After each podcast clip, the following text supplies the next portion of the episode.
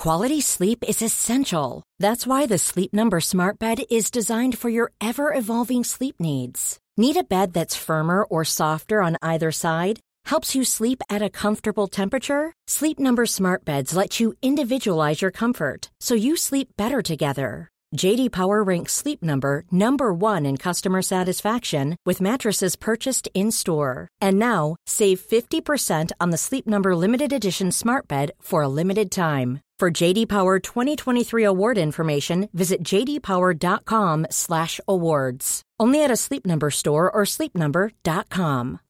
Millions of people have lost weight with personalized plans from Noom, like Evan, who can't stand salads and still lost 50 pounds. Salads, generally, for most people, are the easy button, right? For me, that wasn't an option. I never really was a salad guy. That's just not who I am. But Noom worked for me. Get your personalized plan today at Noom.com. Real Noom user compensated to provide their story. In four weeks, the typical Noom user can expect to lose one to two pounds per week. Individual results may vary. Hallå, Simon Gärdenfors heter jag och snart börjar min podcast Arkivsamtal som denna vecka gästas av Kalle Lind och vi pratar om biografier. Vi blev båda så exalterade att vi inte kunde hålla oss från att spela in ett extra avsnitt som bonus för alla patreons. Så vill ni ha tillgång till det här avsnittet så gå in på patreon.com arkivsamtal och bli avsnittsdonator. Chippa in en dollar eller mer så får ni tillgång till detta bonusavsnitt med Kalle Lind och en del andra bonusavsnitt med David Liljemark som också då är Patreon-exklusiva. Nästa helg, den 4-5 maj, så headlinar jag Mafia Super Weekend i Stockholm. Sen på söndagen den 6 så deltar jag i ett scensamtal med bland annat Mats Jonsson om självbiografiska serier på Kulturhuset i Stockholm.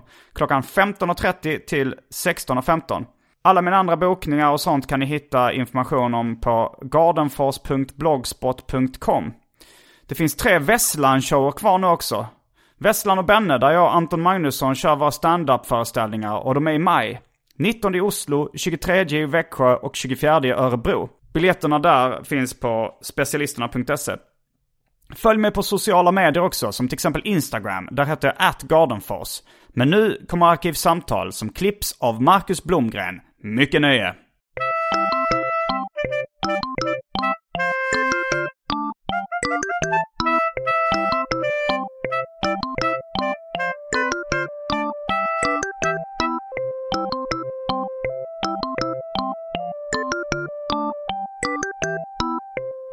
Hej och välkomna till Arkivsamtal.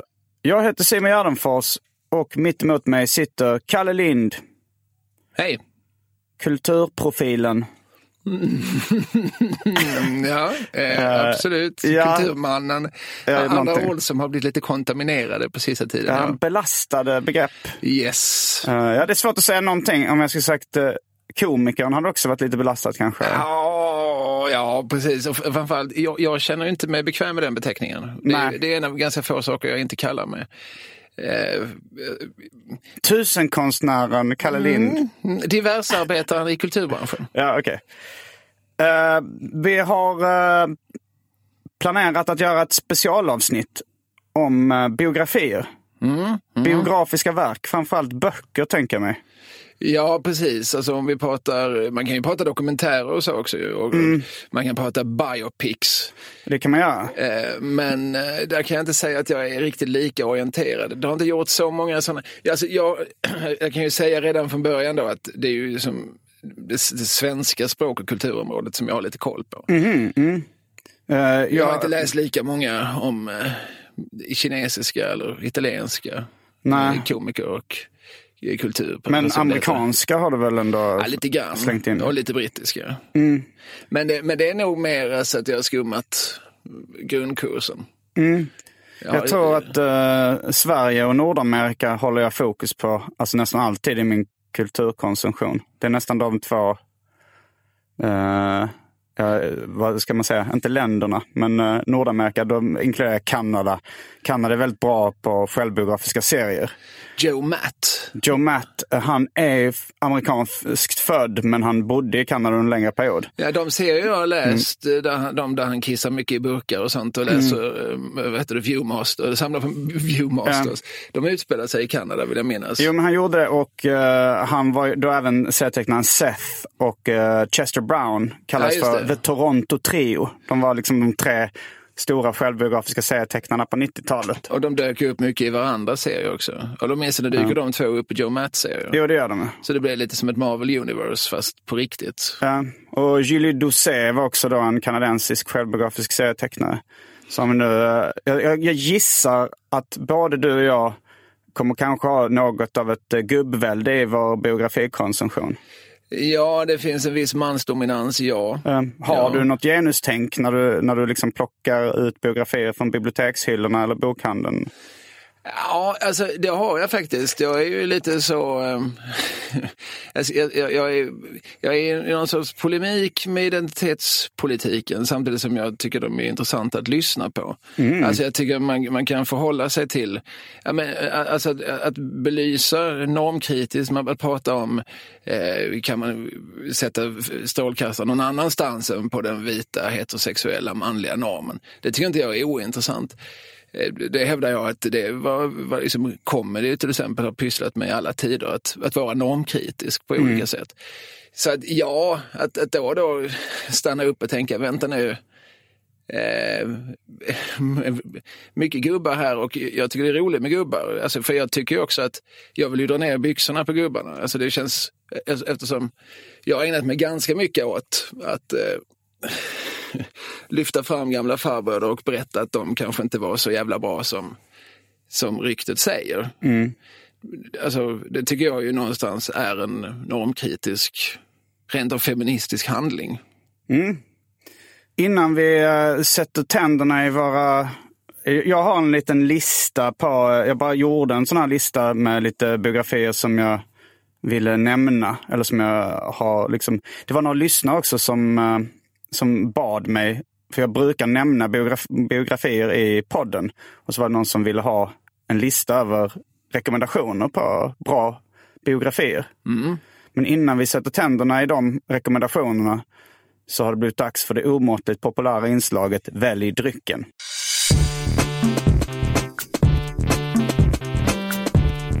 Jag tror vi börjar med det fasta inslaget Välj drycken! Nej, jag kunde inte bärga mig. Vad kunde du inte Jag välja var så himla rädd att, att, att det inte skulle bli. Aha. Att jag inte skulle få välja dryck. Ja, eh, jag har, för en gång skulle ha jag hörlurar på mig. Och jag trodde lite att... Eh, men nu så jag hörde att det kom in lite ljud när jag drack pyttelite. Jag kunde inte hålla mig. Jag är lite, lite bakfull idag och jag kommer direkt från eh, Subway. Eh, och köpte en eh, Fanta Zero där. Så du har redan valt din dryck? Ja, fast man kan ju välja fler. Alltså jag, jag, vill, inte- jag vill inte ljuga för lyssnarna. De som hörde det här lilla is... Eh, Ja, transparens är ju Ja. viktigt för somliga. Ja, men det är det. Eh, Men sen så gick jag ut... eh, Jag vet inte hur, hur hemligt vi ska hålla att vi är i Sveriges Radios lokaler. Eh, ungefär så hemligt.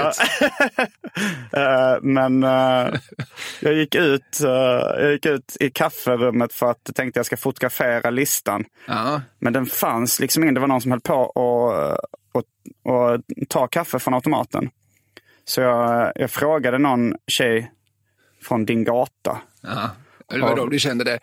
Henne kan jag nog vibba in med. Ja, jag kan också jag. lite orten. Ja. Jag har ju också keps. Jag är från Hjärup, det är Ja. någon form av förort. Ja, det är förut till Staffanstorp. Ja. Jag träffade en kille, har vi pratat om det? Att jag träffade en kille en gång som sa att han var från Lund södra. Nej. Ja, men på, men var är, vad, vad, vad är då Lund södra? Som, är det Sankt Claes då? Eller som Ja. är det Flacka, den här lilla pyttepluppen där det finns ett växthus precis utanför. Och vi höll på rätt länge innan han till slut sa, ah, men jag är från Hjärup. Han skämdes för det. Ja, men alltså vadå, är du från Hjärup? Ja, alltså, han var ju från centrala Hjärup, så att säga. Han Ja, bodde ju i, i, i kärnan av Hjärup. Ja. Och det kallar han då Lund södra. Jag tycker det är en rolig detalj att Ja, är Hjärup det. faktiskt tillhör Staffanstorps kommun. För jag tror att Hjärupsbor ser sig mer som en del av Lund. Men de kanske vill det. Men det gör ju inte lundensarna. Jag ser mig som... eh, Eh, född i Hjärup. Fa- Nej, jag är född i Malmö egentligen. Men jag flyttade till Hjärup när jag var noll. Ja. Men då, någon från din gata sa, jag frågade vad finns det, vad finns det för drycker? För jag såg liksom ingen lista. Hon sa, det finns allt. Det finns lungo, det finns choklad. Och Ja, men då så. Det, det är ju det to- totala dryckesutbudet. Ja, och för sen så kom jag åt då liksom den digitala listan där man fick, eh, där kunde, som man kunde fotografera av, där man även fick bilder. Är du beredd på är alternativen? Mm. Bryggkaffe. Bryggkaffe med socker. Bryggkaffe med mjölk. Jag ser ett tema. Kakao cream. Choklad. Café Lungo. Nu måste jag zooma in att det är en uh, Laxon Grav skulle jag säga på café. Eller vad säger du? Jag vågar faktiskt inte uttala mig om det. Jag, jag litar på din expertis där. Ja, och det är lite konstigt för det, det hur, hur, liksom en Laxon Acu tänker jag att det skulle vara Café Lungo. Men jag vet inte riktigt hur man ska uttala det här. Och det, det är bara på Lungo de har den där eh, accenten. Annars är det bara C-A-F-F vanligt E på de resten. Oj, jag hamnar i en podd med en kaffekonnässör. Nej, det är bara en ordmärkare eller en, ett, eh, ett rövhål kan man också säga. En petimäter som eh, Fredrik Belfrage alltid frågar sina gäster på ren svenska. Är, är, du, är du en petimäter? Det Är var det- hans ständiga fråga. Okej, någon som bryr sig om petitesser. Liksom. Ja, precis. Någon, alltså, ja, exakt. Alltså, som är noga med detaljerna. Precis. Jo, men eh, det är jag. Sen finns det Café Lungo mjölk. Då är det utan uh, den här uh, Laxon Grav som jag så skämtsamt kallar den. Uh, Latte. Där kommer den tillbaks.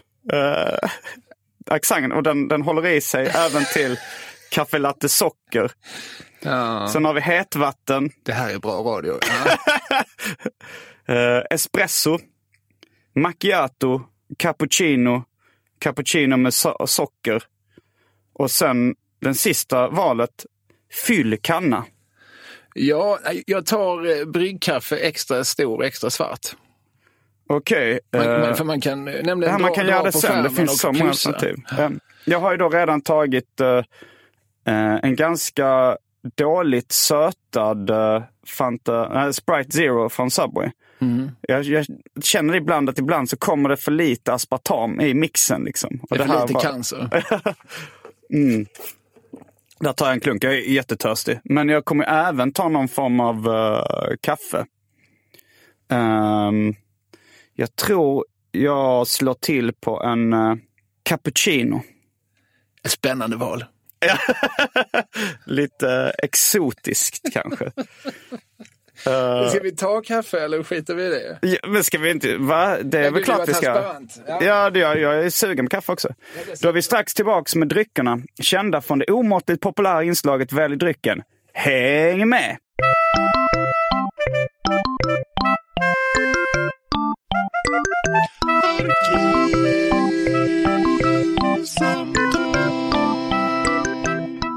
Då är vi tillbaks från äh, hämtningen av dryckerna från det omåttligt populära inslaget Välj drycken. Och eh, jag tog då en cappuccino och en side order av sockerfri läsk. Just det, och jag tog då bryggkaffe extra stark, extra svart, extra stor. Mm, den, den var god den här. Den smakar väldigt mycket automat. Alltså jag tycker ändå man har en viss automatsmak på kaffet. Ja, men du sa det i samma mening som du sa att den var god.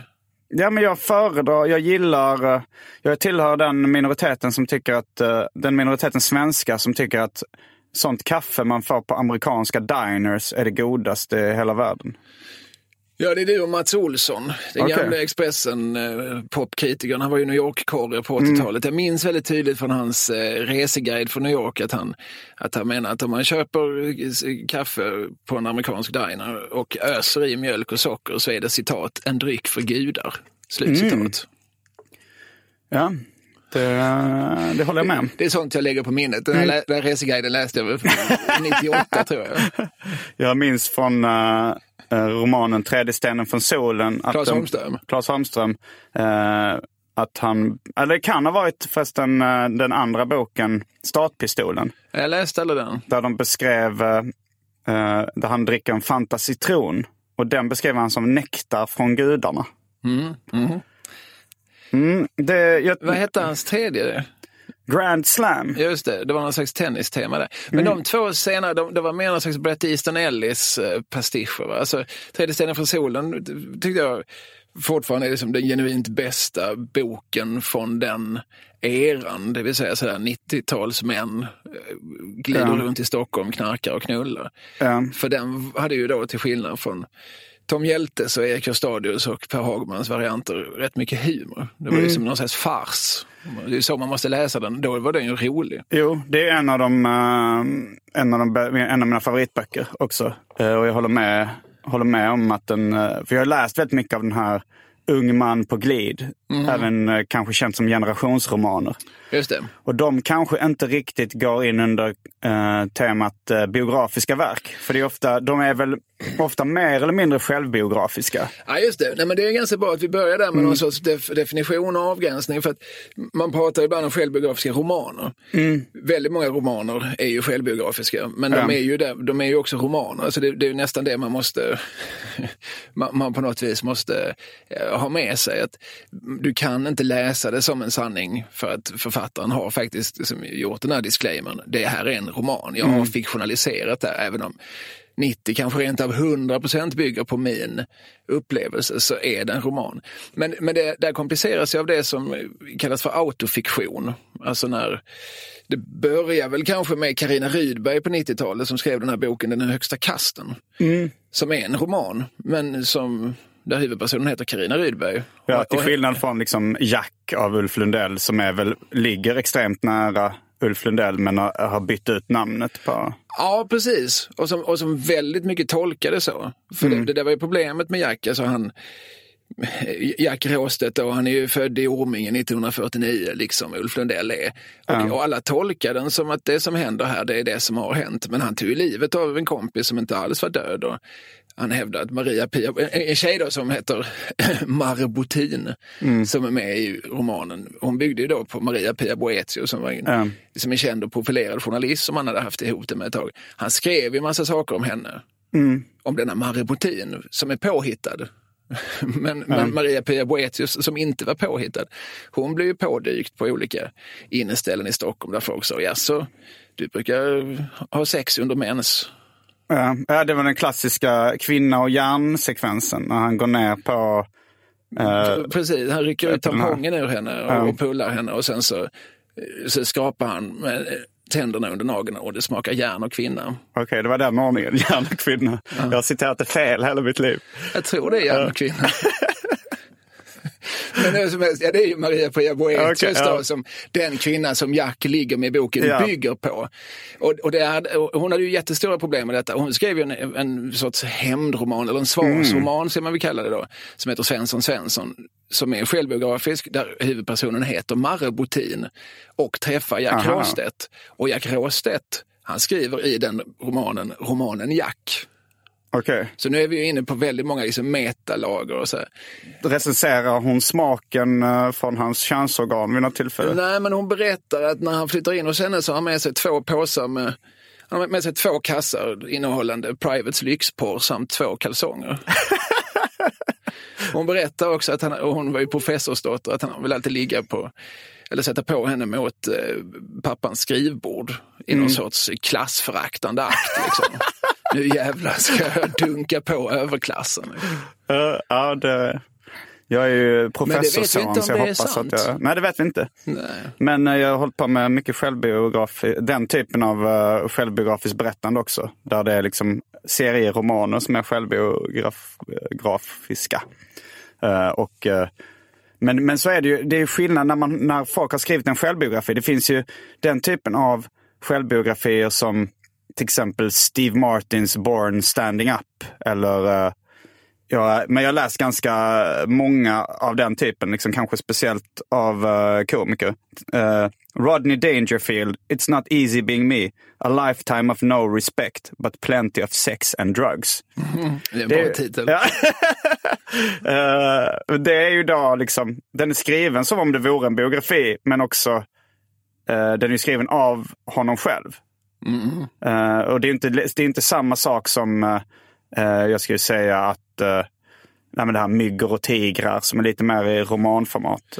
Just det, för det var det jag skulle komma in på sen. Alltså, den högsta kasten av Carina Rydberg, den väckte ju jättemycket rabalder så här på 90-talet. För att hon hängde ju ut då någon snubbe som hon brukar, eller som hon väl hade legat med, som träffades på en innekrog på Östermalm som heter PA och Company. Och där förekommer ju kända människor som Örjan Ramberg och, och Ja, hon och nämner ju namn också, hon byter inte ut. Ja, ja, precis. eh, Och det är ju det hon gör. Och det var där, okej nu blir ju plötsligt gränsen mellan fiktionen och biografin oerhört flytande. Hon är noga med, det står ju roman på, på, på omslaget. Fast du påstår ju samtidigt att den här killen som heter Rolf och som alla som åtminstone hänger på PA och Company vet att du brukar gå hem med. Du påstår att han har gjort detta och Ja. detta. Ja, och det där blev en diskussion på 90-talet och den har egentligen pågått sedan dess. För, för där kan man ju sen sortera in Maja Lundgren som du nämner, eller Knausgård. Ja. Som också skriver, det är romaner, men det är romaner som någonstans samtidigt gör ett ständigt anspråk på sanningen. För Maja Lundgren nämner ju också namn. Alltså hon nämner ju Björn Ranelid och Carl-Johan Wallgren och så att de har gjort så här och så här och sagt detta och detta.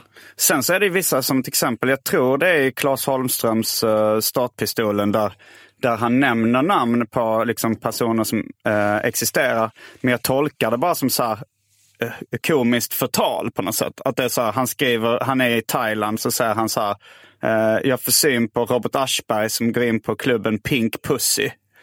Och att det är så här, jag tänker det här är ingenting han har gjort på riktigt. Han bara testar gränsen lite vad han kan komma undan med. Ja, just det. Ja, och det är ju fortfarande i ett romansammanhang. Ja, jo, det är det. Alltså, och, och, och, i det fallet ett ännu tydligare romansammanhang. Alltså, Ja. den, den, f- fick, den fiktiva ramen är ännu tydligare uttalad Mm. redan. Men man hamnar ju såklart lätt i olika gränsland. för att Alltså just då, Ma- Maja Lundgren till exempel. Alltså, det finns ju ingenting som, som uttalat säger att det här är fiktionaliserat. Och samtidigt så tänker man, är, är hon så paranoid på riktigt? Om hon nu är så paranoid, för den handlar väldigt mycket om att hon anser att hon jobbar på Aftonbladets kulturredaktion. Och där hade de under en period ett ord, en liten ruta varje dag med dagens ord. Och eh, hon förälskar sig i någon namngiven snubbe då på Aftonbladets kulturredaktion och sen så slutar hon jobba där. Och varje dag läser hon i Aftonbladet kultur och får för sig att det ordet är riktat till henne. Okej, det låter som eh, en lätt neuros eller någonting. Ja men det är det ju. Och, och frågan är, alltså författaren Maja Lundgren som, som skriver detta, fiktionaliserar hon en paranoia eller är hon paranoid? Det är ju helt omöjligt att veta. På det sättet tycker jag att eh, liksom, biografier, oauktoriserade biografier ofta är bättre. Att eh, det, om man nu kan använda ord som objektivitet och sådär så, så blir ju de mer objektiva och samtidigt att de tar kanske med eh, osmickrande detaljer från folks liv som folk i sina självbiografier inte tar med. Ja, just det. De har ju verkligen helt olika ambitioner. Ja, det där är svårt. Jag får ganska ofta frågan från folk, eh, vilka memoarer ska man läsa? Och då säger de memoarer då. Eh, och eh, då, då måste man dela upp i helt olika högar. Alltså de mest läsvärda memoarerna som har skrivits på svenska språket är nog Ingmar Bergmans Laterna Magica. Men de Alltså du får inte veta så jävla mycket om, om Bergmans filmkarriär. Eller, du, får, du, får, du kan inte vara så säker på att du får veta så mycket om Bergman alls. För att det här är ju en, det här är en, det är ju en kille som är, har ett visst sinne för dramatik. Man får veta mycket om smärtan i hans vänstra testikel. Ja, framförallt får du veta väldigt mycket om hans magdemoner. Alltså hur mycket han bajsar och sådär. Och du får veta, alltså, ja men det är någonting när han lägger upp så här, han är på barndomen då och så skriver han plötsligt en ögonblicksbild. Jag är fem år, jag ligger i min säng och klämmer omsorgsfullt en korv. Eh, och, så, och så är det någon historia om att han kastar ut den, på, den fortfarande varma korven på golvet och så kommer det någon snäll husa och tar hand om det och så får han stryk av sin pappa. Varför berättar han det? Varför, var, varför är det här av allt Bergman varit med om? Och det är ändå, alltså, det ska man ju förstå, det här är en av världshistoriens absolut största filmregissörer. Varför väljer han att berätta just om när han bajsar på sig en gång? Var, varför är det någonting han lyfter fram och, och gör? eh, och det är ju för att han vill göra sig intressant. Alltså svaret på det är att, att det här är, det här är en, en utpräglad narcissist men som också har ordets gåva och som i varje mening i princip gör vad han kan för att vi ska haja till. Okej. Och jag, tror, jag är helt säker på det. Jag berättade lite som hastigt, jag var lite nazist under kriget. Förlåt? Vill man ju liksom, han är otroligt bra på att lägga ut små, små, hintar som gör att oj vilken spännande människa det här är som jag läser om. Jag tänkte när du bara nämnde det första exemplet så kanske det skulle då kunna vara någonting som han tycker det här har format mig som eh, människa. Liksom att det skulle säga någonting om hans relation till hans pappa, hans liksom, klassbakgrund. Då, att det är någon som kommer och plockar upp bajset och eh, hans eh, gränslöshet och kreativitet eller någonting. Men det stämmer nog förmodligen, som du säger sen, att det var mest för att göra sig själv lite mer spännande. Ja men det, de hänger ju ihop. Alltså det, det du säger är ju också korrekt såklart. Alltså, han, lägger ut, han lägger ut lite nycklar till sig själv. Ta, ta de här forskarna, ta de här publiken och sen så kan ni sätta er och, och, och klia er i huvudet och fundera på, undrar hur det här hänger ihop med, med att han sen gjorde eh, Fanny Alexander och eh, det här liksom skatologiska temat i den och den filmen. Alltså det, kan man ju, det kan man ju sitta och göra men han vet så otroligt väl vad det är han gör. Alltså det är mest det att den, den är jag som är ganska luttrad och lite cynisk sådär, när jag läser den boken, vilket jag gör med välbehag för att den är fantastiskt välskriven, så vet jag ju också att eh, jag får inte veta någonting mer om Bergman än det Bergman vill att jag ska veta. Nej, just det. Han styr här. Jag, jag hade en diskussion med Anton Magnusson och några andra komiker igår efter en standup-kväll om så här, vem man hade träffat som man blev mest starstruck av.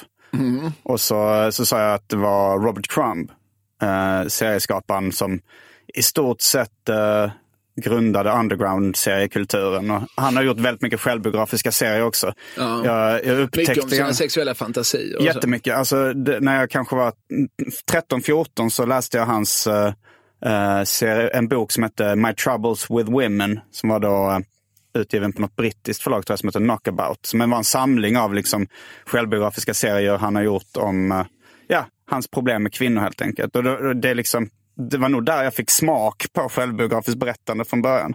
Eh, men Anton visste inte vem Crumb var. Och, eh, Jävla sopa. Ja, och, och det, men jag hävdade så här att Robert Crumb, han är lika känd som Ingmar Bergman internationellt. Vilket Ja. jag fick medhåll av av eh, Marcus Johansson. Men sen så gjorde vi en sån här Google battle där man säger eh, eh, kulturell relevans enligt Google. Och då var Bergman tio gånger så känd som Crumb. Ja, alltså det Ehm. där med känd som, det, det, oh, det, det är svårt.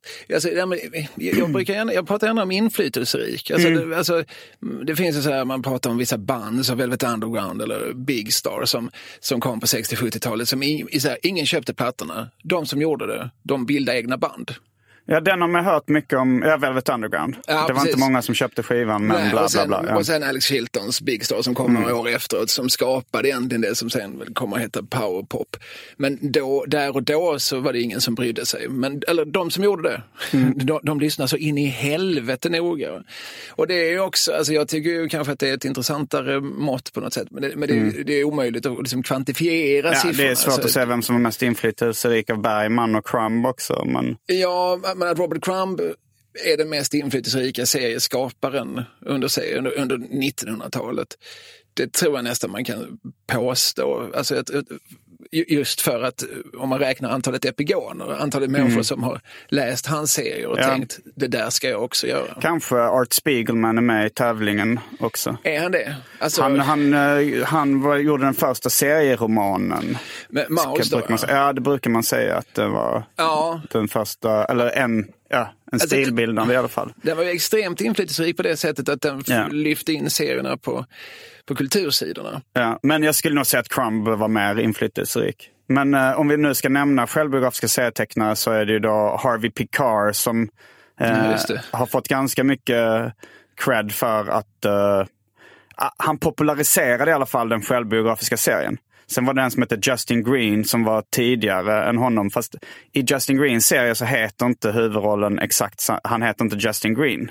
Vad hette det- den? Det gjordes ju en långfilm med, med Paul Giamatti som Harvey Picard. Ja, American Splendor heter Så den. heter den, ja. Samma sak Ja, som det är ju eh, det hans serietidning då. Uh, och, det, och Robert Crumb, de, han var jättebra kompis med Crumb uh, som illustrerade då, för Harvey Pekar skrev mest och ritade streckgubbar som andra fick liksom teckna upp. Mm. Uh, men jag, förmodligen då så inspirerade Harvey Pekar Crumb att göra egna självbiografiska serier också, för vilket han gjorde sen.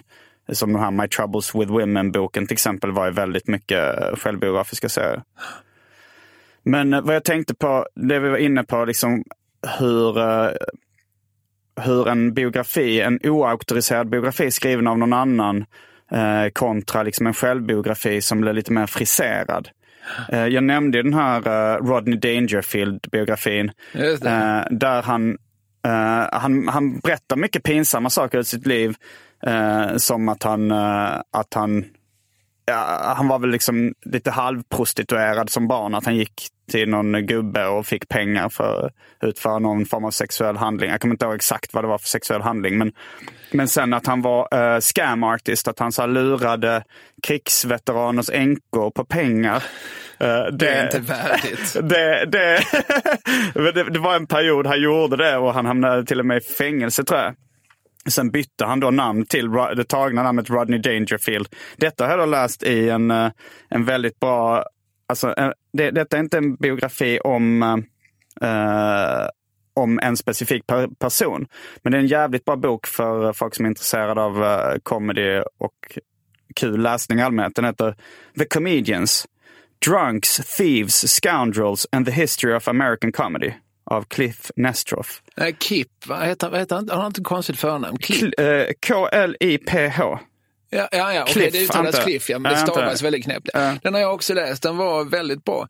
Men, och den skulle jag också säga, apropå det här vi sa inledningsvis om normkritik och så. Alltså, mm. det, det, är en bok som lite grann fyller i luckor. Alltså, han försöker hela ja, tiden sätta lite fokus på andra saker. Han skriver om tidigare Eh, som transkomiker. Han skriver om, eh, ja det fanns ju inte så många kvinnor under 1900-talet, men de som fanns de, de, plock, de plockar han fram lite grann. Och, ja, men han belyser lite andra hörn och, och berättar, yeah. han berättar liksom den historien om hur liksom comedy växer fram i mm. USA under 1900-talet.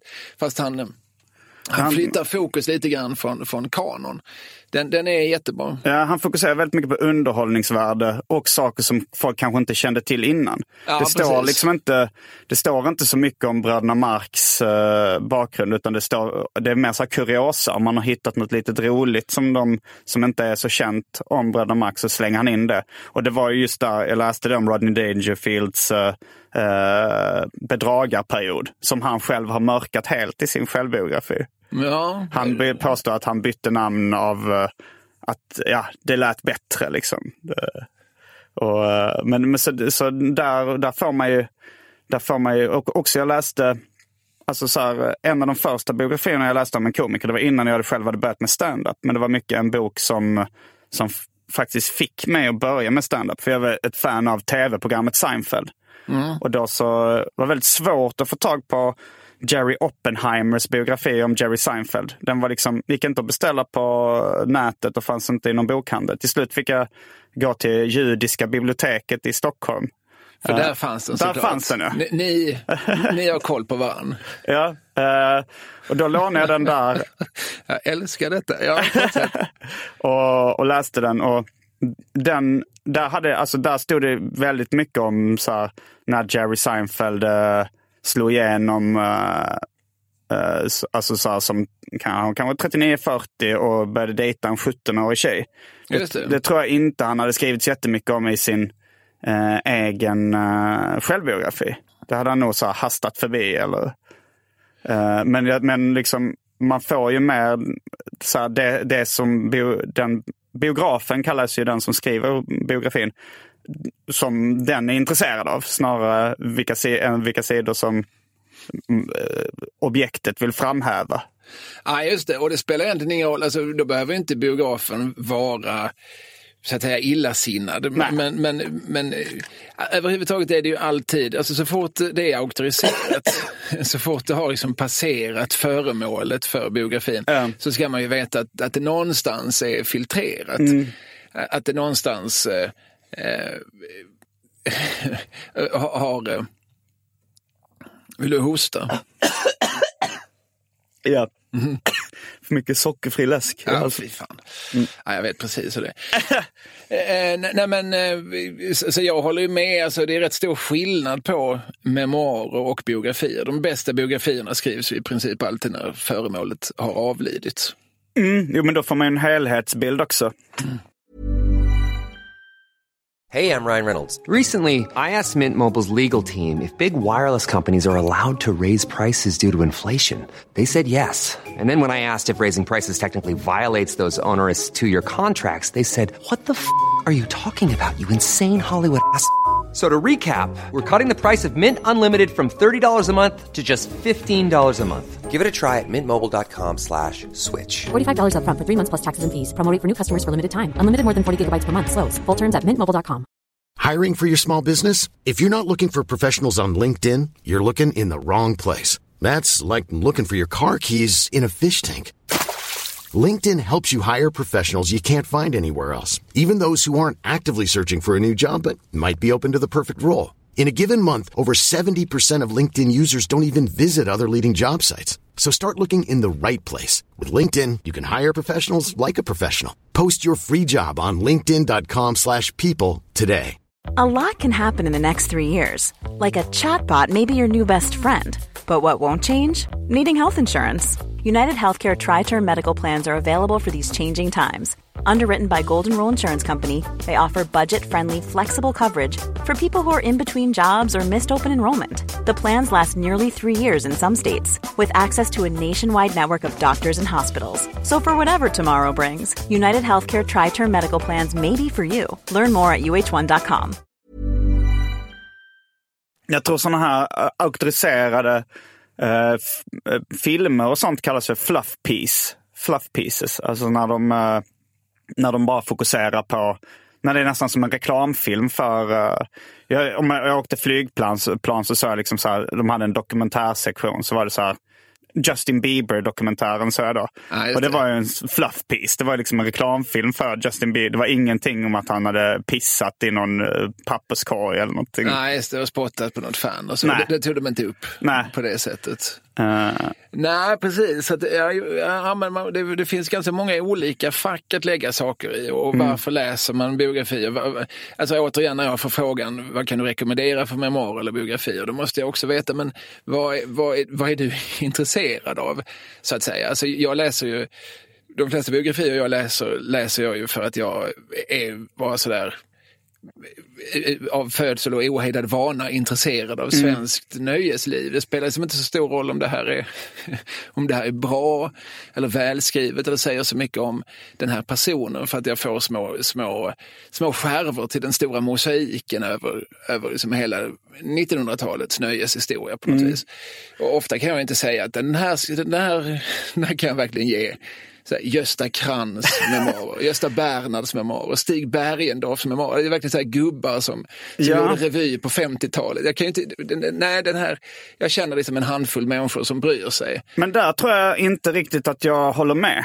För att min eh, teori är att är det en välskriven eh, biografi, Mm, det är det inte i de här fallen. det är de inte. Men jag skulle säga att en välskriven biografi är intressant. Jag är, tycker det är intressant även vem fan den är. Nå, något, det kan vara en schackspelare eller det kan vara en... Skulle till och med kunna vara en idrottsman. Jag är, eh, jag är totalt ointresserad av uh, fotboll. Men jag tror, får jag läsa en biografi välskriven om någon uh, liksom från födsel till död, då lär man känna den personen och då blir det intressant. För att uh, det blir en intressant berättelse om en människa oavsett vad den har gjort. Ja, men där håller vi nog med varandra. Alltså, om vi pratar en, en biografi, om vi pratar någon som, om, om människan som har skrivit biografin är intresserad av någonting bortom själva objektet. Det vill säga, alltså, vad har den här personens öde att säga om sin tid, om sin eh, miljö, om sin eh, sin del av världen. Alltså, Vad har hon att säga om fotbollens utveckling? Vad har hon att säga om kulturens utveckling? Vad har hon, att- vad har hon att säga om tvs utveckling? Alltså då, absolut, om, men, då måste biogra- biografen ha lite mer ambition än att bara berätta att sen börjar vederbörande skolan. Jo, men det är väl det som är välskrivet, Fick litet liksom. A i, i teckning. Men om det är välskrivet så är det ju liksom ofta målande beskrivningar av en person och, och då blir det ju alltså, mer eller mindre frivilligt. Det är ju säkert att det kommer, att det säger någonting om sin tid och ja, men i allmänhet om hur det är att vara människa. Liksom, antingen hur det var att vara människa då eller liksom hur det är nu. Det är ofta ganska likt. Alltså man kan, det är det, det som handlar om att när man, jag kan relatera till det. Jag tror det är därför också jag eh, Alltså jag har läst vissa biografier om kvinnor. Ingrid Wang Nyman var, läste jag. Det är en ja, tecknaren bakom Pippi och ja. alla vi barn i Bullerbyn. Danskar som tog livet av sig. Ja, det var en spännande biografi. Men jag tror att uh, det här att kunna relatera, att jag vill nog, jag vill gärna läsa, jag vill gärna läsa om någonting som påminner så mycket om mitt eget liv som möjligt. Kanske en lite vriden version. Jag läser, jag läser ofta om liksom komiker uh, och gärna, gärna, alltså jag skulle nog hellre läsa en om en nu, samtida komiker än uh, på liksom 1800-talet. Det finns ju ett visst intresse där att man lär sig kanske mer om man läser någon uh, från 1800-talet. Men, men jag vill, ja. att, jag vill kunna relatera det till min egen vardag. Jag, jag är väldigt intresserad av svensk efterkrigstid. Jag vet inte mm. varför jag är det, men, men, men det är fakta. Jag är det. Jag tycker mm. att, att, perioden efter andra världskriget och fram till tidigt 80-tal är, en, den är oerhört intressant. Alltså, mm. Den är ju torr och torftig och Sverige går från att vara ett land av, av smuts och excentriker till att vara ett ganska konformt likariktat land med likadana konsumlader i varje, eh, i, i, i, varje stadskärna. Men, men, men det, är, det är en väldigt fascinerande tid. Alltså för det, jag tror, det brukar hävdas att ingen gång i världshistorien har, har ett land så snabbt gått från någonting till någonting helt annat. Aha. Eh, alltså, Sverige var ju, ett, var ju ett fattigt land innan andra världskriget. Har du läst Lort-Sverige? Den pratade vi om i tidigare avsnitt. Lubbe Nordströms eh, Lort-Sverige från 1938. Ja, den har jag läst. Den, den, den, den, är ganska rolig att läsa för att han, han är en sån entusiastisk... Eh, han, har, han har en sån svung i språk. Han, är, alltså, han kör runt i någon... Eh, han har ju såna här eh, Lubbe Nordström ser så skön ut i golfbyxor, alltså knickers och eh, mm. eh, en slags överklass. Eh, Lite Tintin-klädsel. Ja, men det är ju den tiden. Och så, mm. och så åker han runt i Sverige och förfasas över hur smutsigt och lortigt, hur fula och förkrympta människor är. De bor i, utan rinnande vatten i små pörten och, och, och, så har någon konstig teori. Men jag tror inte med någon, någon kamera utan istället papper och penna. För att kameran kan ljuga men aldrig teckningen. det, det, helt obegripligt resonemang. Jo, Men, jag citerar ju han att han möttes inte bara av uh, bokstavlig lort utan även själslig smuts. Ja, ja, nej men han, han är, alltså Lubbe Nordström är ju inte tillförlitlig på något sätt, men han har ju en agenda. Han, han, han, han vill visa så här smutsigt är Sverige för att sen kunna säga nu ska vi göra någonting åt detta. Han var ju, mm. han var ju tillsammans med Alva och Gunnar Myrdal och sådana tidigare liksom, socialdemokratiska ideologer. De, de, de, de ville liksom bygga ett annat Sverige. De, de var oerhört visionära. Man kan tycka vad man vill om visionerna men de hade mm. liksom, planer och tankar om hur det här landet ska ska förbättras. Delvis genom att bygga förskolor, delvis genom att knipsa sädesledarna av tattare. Alltså de hade lite olika idéer. Ja, ja det var väl det som kulminerade upp till andra världskriget. Och... Ja, precis. Alltså den inställningen visar sig. Ja, men man ville liksom rena folkstammen på något vis. Det är klart att det fanns liksom inslag av, av rasbiologi och så i detta. Men, men, eh, jo, men jag är intresserad av 50, 60, 70-talet. Den store Alltså Sveriges nu levande bäste biograf, han heter Claes Gustafsson. Han har skrivit biografier om, i turordning, Beppe Wolgers, Cornelis Vreeswijk, Tage Danielsson, Monica Zetterlund, eh, Per Oscarsson, Eh, sen har han skrivit en till om Cornelis och sen har han skrivit en om eh, Stickan Andersson och en om, om de här Jag är nyfiken-filmerna av och med Lena mm. Nyman och Vilgot Sjöman. De är alla oerhört eh, läsvärda skulle jag säga. Vad hette han sa du? Claes Gustafsson. Ja, men då har jag läst uh, en, jag har läst uh, ett bluesliv, berättelsen om Cornelis Vreeswijk. Ja, just det. Och det, den är ju såklart, alltså den som är kanske, det, det är väl den man ska börja med för att, mm. för det är den mest spektakulära historien. Alltså Cornelis liv var ju spännande. Alltså det är svårt att inte på något vis göra den lite intressant. Eftersom han var en eh, suput och en rucklare som hade en, en eh, osviklig förmåga att ställa till det för sig. Mm. Biografin om Tage Danielsson är betydligt svårare för att Tage Danielsson var ju en, en ganska timid och eh, hygglig människa som mm. gjorde bra det krävs ju en bättre biograf för att göra det underhållande. Ja, tänker jag mig. och man måste på ett annat vis, och det gör han då också, ställa det mot tiden. Alltså vad, vad är det? På vilket sätt påverkar Tage sin tid och vice versa och sådär. Eh, men alla, de, alla hans böcker är, är jättebra. Och inte, jag skulle också, den han har skrivit om, som handlar om Stickan Andersson som alltså var, ja, som du vet, Abbas manager men också en av våra flitigaste schlagertextförfattare och en han var ju någon slags föregångare också till Bert Karlsson sådär för att han eh, byggde upp ett eh, skivbolag och ett förlag och eh, lanserade mm.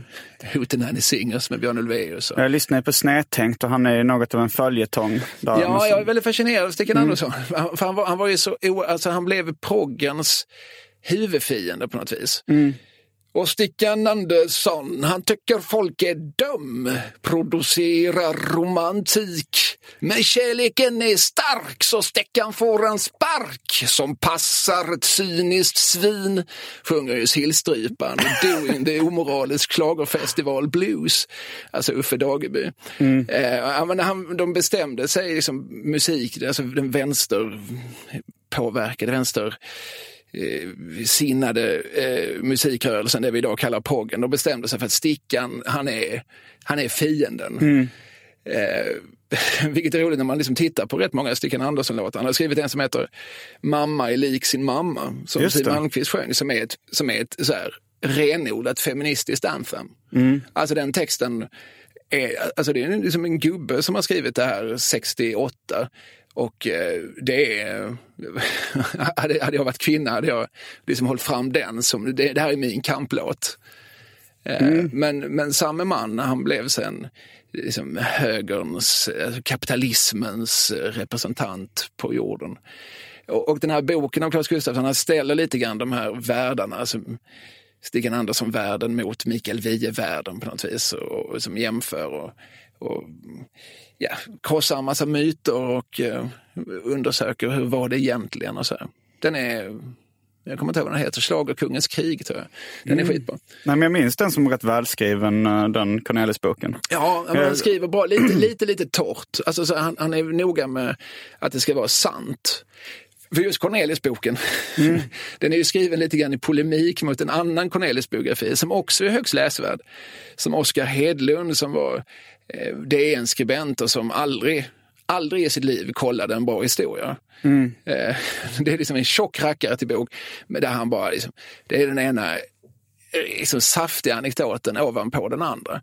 Och ingen stämmer ju. Alltså, det behövdes inte riktigt uh, det kändes som det fanns så mycket saftiga anekdoter som han hade källa på eller som var sanna. Ja, precis. Och det där kan man verkligen liksom diskutera. Vilken av de här böckerna är då mest läsvärd? Mm. För Oskar Hedlund, bland annat så, så berättar han den här historien om när Cornelis Fylle köpte en ponny till, mm.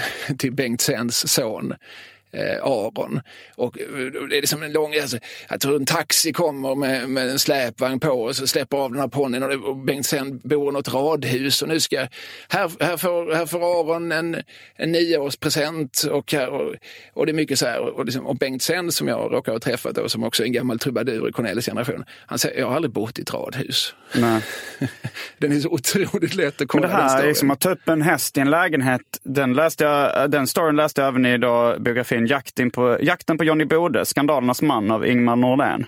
Som också, apropå då där det finns så mycket stories. Det, det är ganska, måste vara lite lättare att skriva en underhållande biografi om Johnny Bode än om uh, amen, Jerry Seinfeld var lite svårare. Han är också en ganska stiff och korrekt man. Liksom. Ja, Förutom det... ett fåtal skandaler då. Men...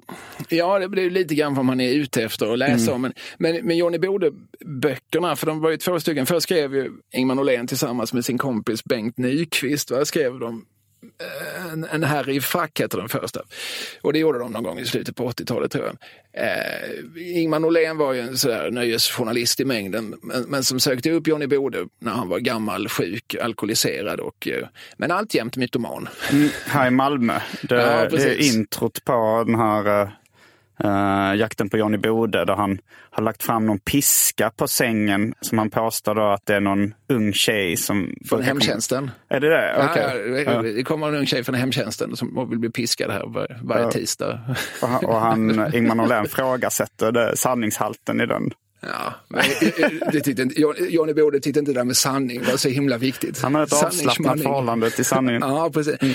Nej, men men de, de börjar ju förstå, för att Alltså, nu när vi 2018 så har ju som Johnny Bode fått en, en sorts eh, status som han ju inte hade under sin levnad så att säga. Alltså, då, då, det var ju, han, han var ju så avskydd, han Mm. var så, så hatad, folk ville inte ta i honom.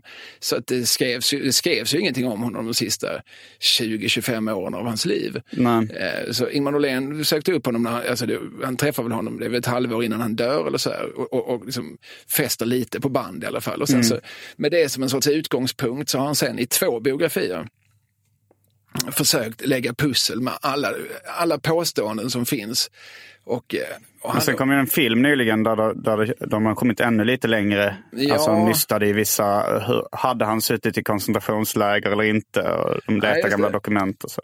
Ja, Bo Sjöqvist heter regissören som, som gjorde Ingen tid för kärlek heter, heter filmen.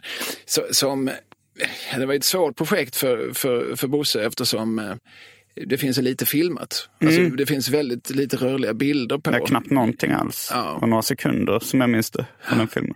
Ja, men så, så är det. Så det, på ett vis är det tacksammare att skriva en, en, en, eh, en biografi. Nej, den, är, den här är ju legendarisk, har ju blivit. den kom ju 2003 tror jag, Jakten på Johnny Bode. Alltså tidigt 00-tal. Och den är ju helt slut på förlaget. Stulen på minst två bibliotek.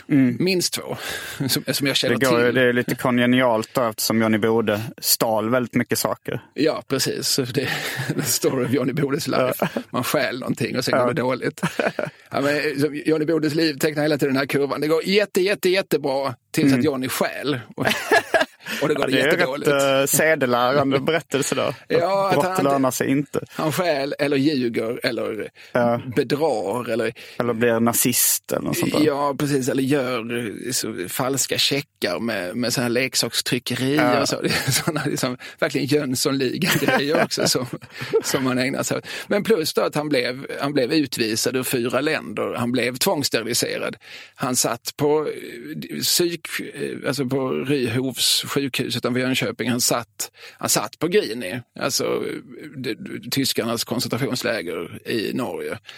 Eh, men inte särskilt länge, men han satt nog där. Det tror jag är belagt. Va? Och eh, ja, och sen så, sen åkte han, han var ju frivillig i- för finnarnas del, alltså tidigt eh, 40-tal. Och finnarna hade ju också hakkors eh, på sin uniform. Så det var ju en finsk hakkorsprydd uniform han gjorde entré på. Den berömde och profilerade antinazisten Karl Gerhards revy Tingeltangel, typ 40-41. Och eh, då säger ju legenden att han först kom in backstage till Karl Gerhard, heila och sen frågade om han fick sälja en låt. och sen så blev han utslängd i, i pausen för att han satt och hojtade och skrek och sen kom han tillbaka nästa dag för att se andra akten. Men eh, ja, men, och det finns ju mycket liksom, myter och legender. Och man kan ju fråga då hela tiden, vad är intressantast där? Alltså en god historia eller sanningen? Mm. Jag, ska, jag vill nog ändå ha, alltså om någon frågar mig det så vill jag nog helst ha sanningen. Ja, precis. Och det är ju Claes Gustafssons eh, själva inställning också. Att sanningen i sig är ju är mer spännande än, än vilken liksom tokig anekdot som helst. Men det är ju också intressant varför anekdoter har uppstått. Alltså, alltså, jag gillar det här, man berättar anekdoten. Här är, en- här är en god anekdot och sen så nästa mening okej nu ska vi kolla vad som är sant. Ja, men det, ja, då får man ju både, alltså, det bästa av båda världarna på något sätt. För då får man först den roliga anekdoten och sen får man reda på vad som var sant i den eller inte. Ja, och lite så jobbar Ingmar Norlén i den här eh, Jakten på Johnny Bode-boken. Som ju är högst läsvärd såklart. Alltså det, det är nog svårt. att- Han är, inte särskilt, han är ingen särskilt god stilist, Ingmar Norlén. Men, den är ganska rörig. Men, men eh, det, det spelar liksom inte så stor roll när objektet i sig är så fascinerande. Råmaterialet är väldigt bra. Ja, Um, minns du vilken som var den första biografin du läste? Nej, jag, jag minns att jag som ganska liten lånade Gösta Bernhards memoarer som såklart då heter Gösta Bernhards saga.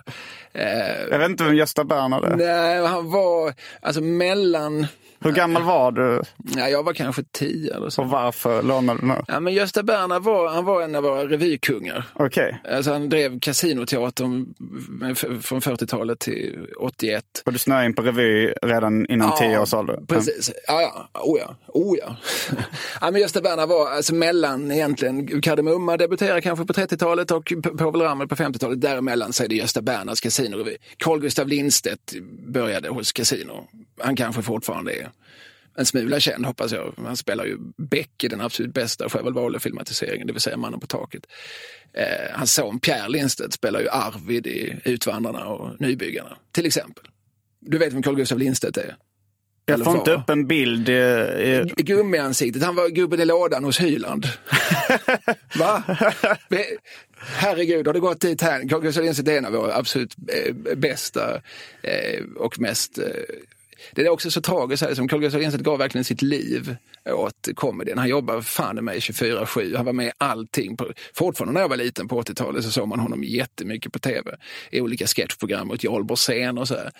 Eh, han dog på 90-talet någon gång. jag kommer Eh, läsa hans Wikipedia-artikel och sen kanske, eh, om det finns någon bra biografi så kommer den... Det finns det inte, det, men det, för där är en sån, alltså det finns en memoarbok som, som eh, inte berättar särskilt mer än, ja min pappa var blomsterhandlare eller färghandlare på Kungsholmen. Bla bla bla. Men, men eh, i alla fall Gösta Berner han var revydirektör och eh, 1983 eh, så gick det ett program som heter Kvällen är din på tv. Eh, Då var det någon nöjeschef på Expressen som hade satt upp sin drömshow.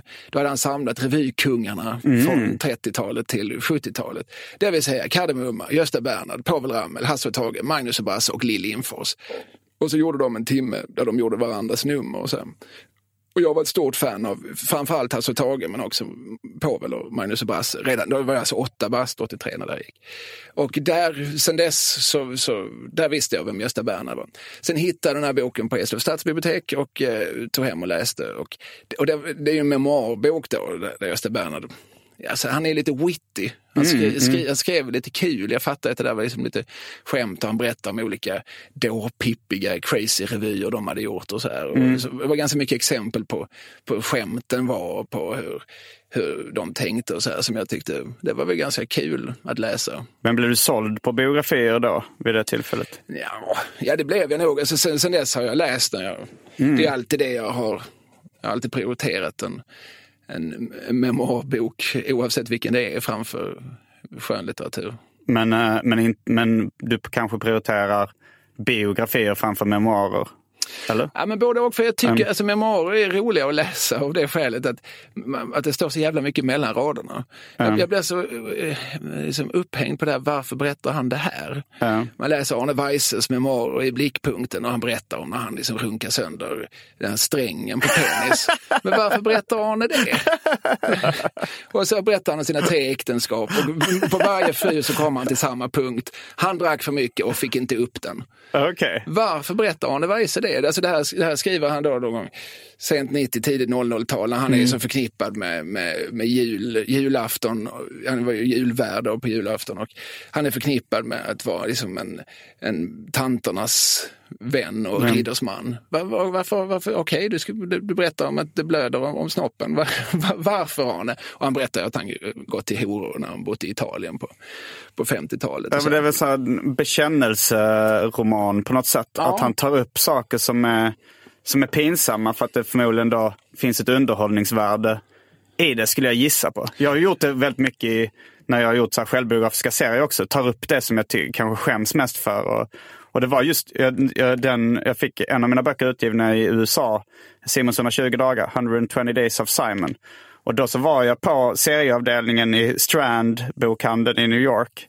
Och då kom det fram en eh, afroamerikansk snubbe som kände igen mig från seriemässan och just ställde den frågan hela tiden så här. Ah, why did you put that in the book? Why did you put att han var, han var så han var fascinerad och upprörd över vissa saker som jag hade haft med i serien.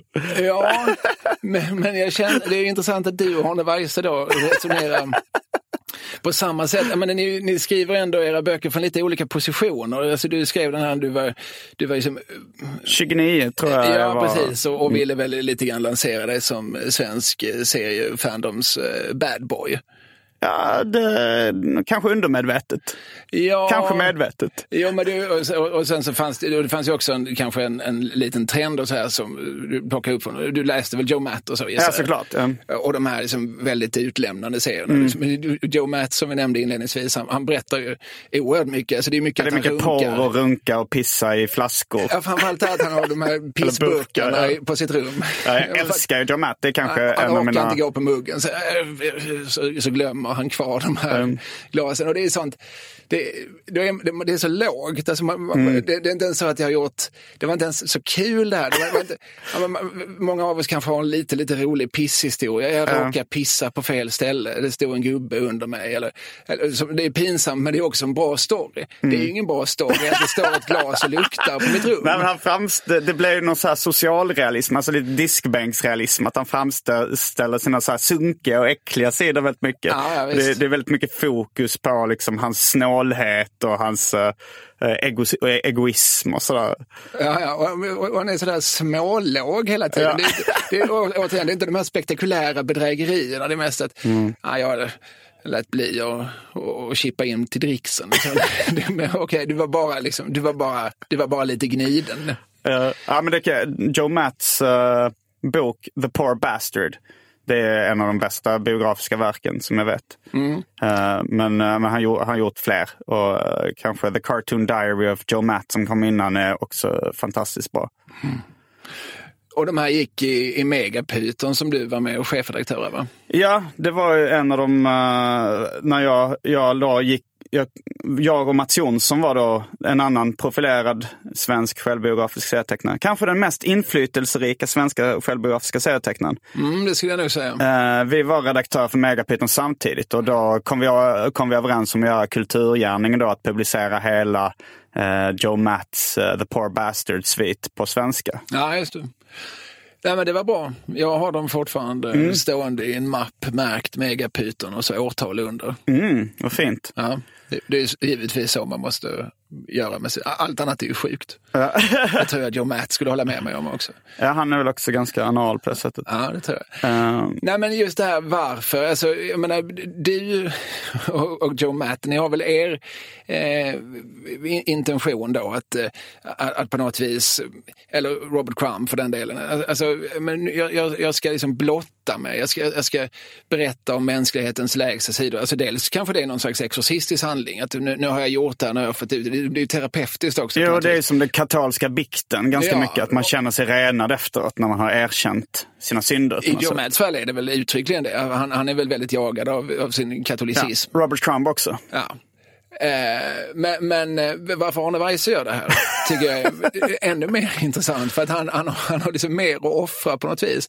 Eh, alltså ni lanserar ju lite grann som, ja men här kommer de här snubbarna som på något vis bl- blottar sig liksom, eller visar sina, sina, sina lägsta sidor. Som erkänner driften, erkänner att ja, men jag är inte alltid Guds bästa barn. Och så här. Men, men Arne Weise måste han ha haft en annan Jag tänkte på det också i, eh, i eh, Leif Perssons sommarprat. GV, och för Alltså, som inte... Leif Gustav Willy Persson. Ja. Ja. Eh, nej, men att han i slutet av sommarpratet ger en liten shout-out till sin uh, sambo eller sin flickvän eller vad det är. Kim GW Persson. Det är det hon heter. Och då, Nej, så, det är det såklart inte. och då så är det bara så här att han i den här uh, liksom, hälsningen till henne vill ändå eh, att lyssnaren eh, ska få en liten inblick i att han förmodligen är impotent. Han säger något sånt där. Ja, jag älskar henne väldigt mycket. Eh, sen kanske jag inte alltid kan prestera fysiskt och visa det. Alltså, då tänker jag också så här. Det är ju någon slags exorcistisk handling att han vill få ut eh, det till, till alla lyssnarna. att han känner att han måste säga det på något sätt. Jag kan lite relatera till det. Ja. Att, jag förstår det på något sätt att han, han, det känns nog bättre när han har antytt det här. Sven-Bertil Taube gör någonting liknande i sina memoarer, Ord och många visor, där, där han skriver eh, att han tyvärr inte kan vara en lika bra älskare längre. Mm, ja. Eh, Också, det är också en formulering som där han får dels sagt, ja men nu, nu är jag gammal och trött, men herregud vad jag har fått till det för. Ja, det är någon form av humble brag. för det fanns en tid då Stockholms nymfetter och koketter borde hålla i sig. Nu finns inte den tiden längre, men oj oj oj. Och där, Sven-Bertil Taube också, han gör, gör också något Weiser-artat när han berättar då en, en, en, och det är också så här, det är liksom en kul anekdot i Sven-Bertils värld. Det är att han som ung på 50-talet har varit i Paris tillsammans med sin mamma, Astrid Taube, Everts fru alltså. Eh, och eh, då legat med en hora, ett mm. fnask, en glädjeflicka, ett luder, en nattfjäril, en gatflicka, du kan typen, yrkeskvinna. Eh, och så får han då flugor i trumpeten. Och då går han till sin mamma Är det säger, ett samlingsnamn för könssjukdomar eller är det en specifik? Jag vet inte om, ja. om det är bagg eller om det är eh, fransosen eller om det är, eller om det är dröppel. Jag vet inte, jag kommer inte ihåg vilken, vilken av de veneriska sjukdomarna som drabbar Sven Bertil. Kanske allihop. Ja. Hur som helst, det, det kliar och svider och uh, har väl lite, får väl lite så här uh, geléartad konsistens när man urinerar. Mm. Och, och det bränner. Så han går till sin mamma, det, det, det, det svider när jag kissar mamma. Och det, och det är väl mamma ganska van vid. Mm. Klamydia skulle jag gissa på. Mm. Mm. Och, det, var, det, var, en expert var... som uttalade sig. Ja, det var en kvalificerad gissning. Ja. Ja. Det, det, har inte jag. Jag har ja. undvikit. Jag har mycket medvetet inte försatt mig i situationer där, där tops kan blandas in. Eh, hur som helst, Sven-Bertil, han får, alltså Astrid Taube som ju är liksom en, en härdad kvinna som är, mm. jag tänker mig att Evert ibland kom hem med, med, med, med olika flytningar i kalsongerna från sina utlandsresor. Och, och, eh, så Astrid vet genast på råd, hon skriver in Sven-Bertil på, på Sorbonne, alltså universitetet, så att han kan få utnyttja universitetsläkaren. Och så eh, får han penicillin och sen är allting frid och fröjd, tycker Sven-Bertil. Och när han framställer det här på sin åldershöst, alltså det är inte, det är inte två sekunder han, han ändå liksom säger, men det var ju synd om henne, hon som gav mig detta.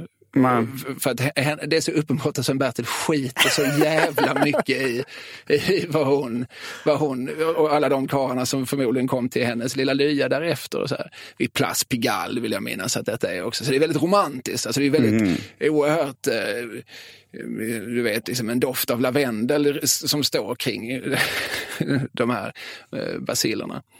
Ja, men, och det, är också, det tycker jag är spännande att läsa för att okej, okay, förstår Sven-Bertil själv alltså hur, vilken oerhörd buffel han faktiskt framstår som när han berättar det här som en riktigt, riktigt festlig anekdot ur sitt förflutna? Jag gissar på nej. Ja, nej, i det fallet så ska jag nog säga ett rungande nej. Mm. Eh, han, man, man tycker att han är en gentleman mitt i alltihop på något mm. vis. Alltså, ja, men, eh, det var väldigt... Eh, jag tror jag har haft den kortaste tiden som liber studiosus i Sorbonnes historia. För att han blev inskriven, han gick till läkaren och sen så skrev han ut sig. Ah. Det är det som är det roliga med den här historien. och med de orden avslutar vi veckans avsnitt av Arkivsamtal. Jag heter Simon Gärdenfors. Jag heter Kalle Lind. Fullbordat samtal.